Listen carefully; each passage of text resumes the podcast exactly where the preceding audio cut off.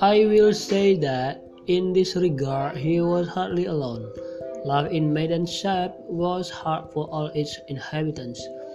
There were other, more fortunate villages to the north in the valleys, with fruit trees and flowers and pleasant air, and streams that ran with cold, clear water. But when Maidan Sabz was a desolate place, and it did resemble in the slightest the its name, field of green, would have you picture. It sat in a flat, dusty plain ringed by a chain of craggy mountains. The wind was hot and blew dust in the eyes.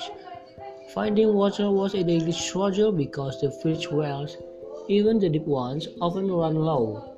Yes, there was a river, but the villager had to endure a half-day walk to reach it, and even then its waters flow mostly all year round.